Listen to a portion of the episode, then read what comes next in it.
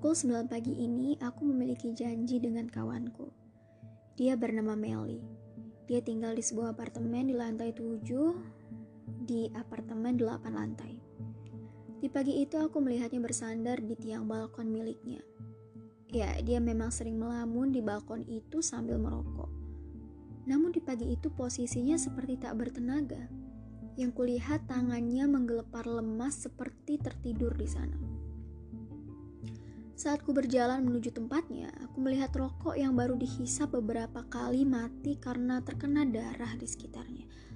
Aku pun khawatir karena saat ku lihat atasku itu sejajar dengan tempat Meli. Aku pun bergegas menuju lift karena khawatir dengan keadaan kawanku. Sesampainya di sana, aku ketuk berkali-kali kamarnya, namun tak ada jawaban. Aku pun menghubungi security sekitar dan memintanya meminjamkan kunci cadangan kamar itu. Setelah pintu itu terbuka, ternyata Meli sudah meninggal di balkonnya dengan luka pukulan di belakang kepalanya dengan benda tumpul. Dan Meli mati seketika dengan satu serangan itu hingga dia masih berada dengan posisinya masih bersandar di balkon. Kulihat di balkonnya ada banyak bekas seperti benda tumpul merusak cat besi penghalang balkon Meli. Aku pun bingung, takut, dan sedih di waktu yang sama namun aku sangat kebingungan di kala itu. Yang mengajal di sini adalah ruangannya terkunci dari dan bagaimana pelakunya melakukan ini.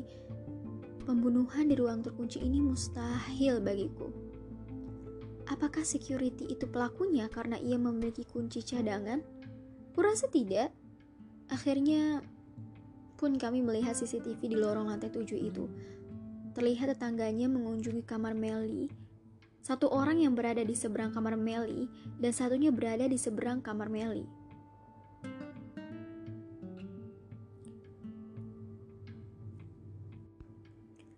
Tetangga kamar seberang Meli mengunjungi Meli selama 20 menit di sana, namun tetangga sebelah kamarnya mengunjunginya hanya sebentar tak sampai 5 menit. Setelah diintegrasi, tetangga seberang kamar Meli datang untuk meminjam cobek sembari berbincang sebentar di sana. Lalu tetangga yang satunya mengaku datang untuk meminta garam pada Meli, namun dia tak melihat Meli, hanya berbicara saja dengan Meli tanpa bertemu dengannya. Namun tetangganya yang ini, dia berkata bahwa sering mendengar suara besi dipukul belakangan ini. Lalu, siapakah pelaku pembunuhan ini? Aku berpikir sangat keras siapa di antara mereka yang berbohong, atau alibi mereka berdua palsu. Oh, ternyata aku melewatkan suatu hal penting. Meli sebenar sepertinya dibunuh saat dia melamun di sana dengan satu pukulan. Karena tidak ada tanda perlawanan, sepertinya itu adalah serangan tiba-tiba yang tidak diduganya. Siapakah pelakunya dan apa motif dia melakukan hal tersebut? Iya, sebentar lagi saya akan beberkan pelaku pembunuhan tersebut dan cara melakukannya. Apabila Anda masih ingin waktu untuk berpikir, silakan pause atau lanjut mendengarkan apabila Anda sudah mengetahui pelakunya karena klunya sudah terpapar di sana.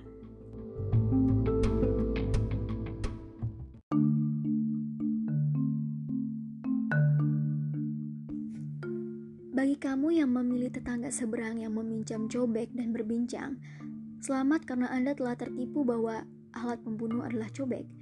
Namun, apabila dia pelakunya pun tak bisa dijelaskan bagaimana pintu bisa tertutup dalam keadaan terkunci. Maka itu Anda salah. Sama salahnya dengan Anda mengira tetangga satunya juga melakukannya karena tidak bisa menjelaskan kenapa pintu bisa terkunci. Karena sebenarnya setelah dua orang itu pergi dari ruangan itu, Melly masih hidup dan ia sempat mengunci pintunya. Setelah itu Meli melakukan kebiasaannya yaitu merokok di balkon itu dan dibunuh di tempat itu secara tiba-tiba. Pelaku sebenarnya yang bisa dilakukan hanyalah satu orang, yaitu seseorang yang tinggal di lantai delapan.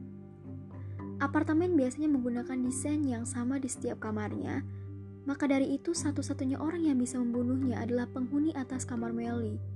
Dia menggunakan benda tumpul seperti batu yang diikat dengan tali lalu melemparnya dari atas ke bawah, mengarah ke kepala korban langsung, hingga korban mati dalam satu hantaman, lalu ditariknya kembali senjata membunuhnya itu.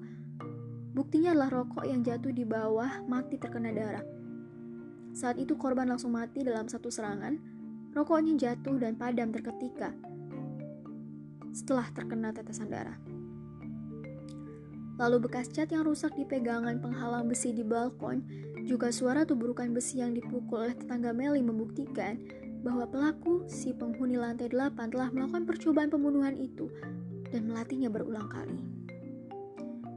Maka dari itu pembunuh tidak usah repot masuk ke ruangan dan membuat misteri semakin sulit karena ini adalah kasus di ruangan tertutup. Tak terduga bukan? Bagi kalian yang ingin cerita misteri lainnya, terus dukung channel ini agar bisa berkembang, atau Anda bisa membagikan teka-teki pembunuhan misteri Anda juga di sini. Salam untuk para pecinta misteri.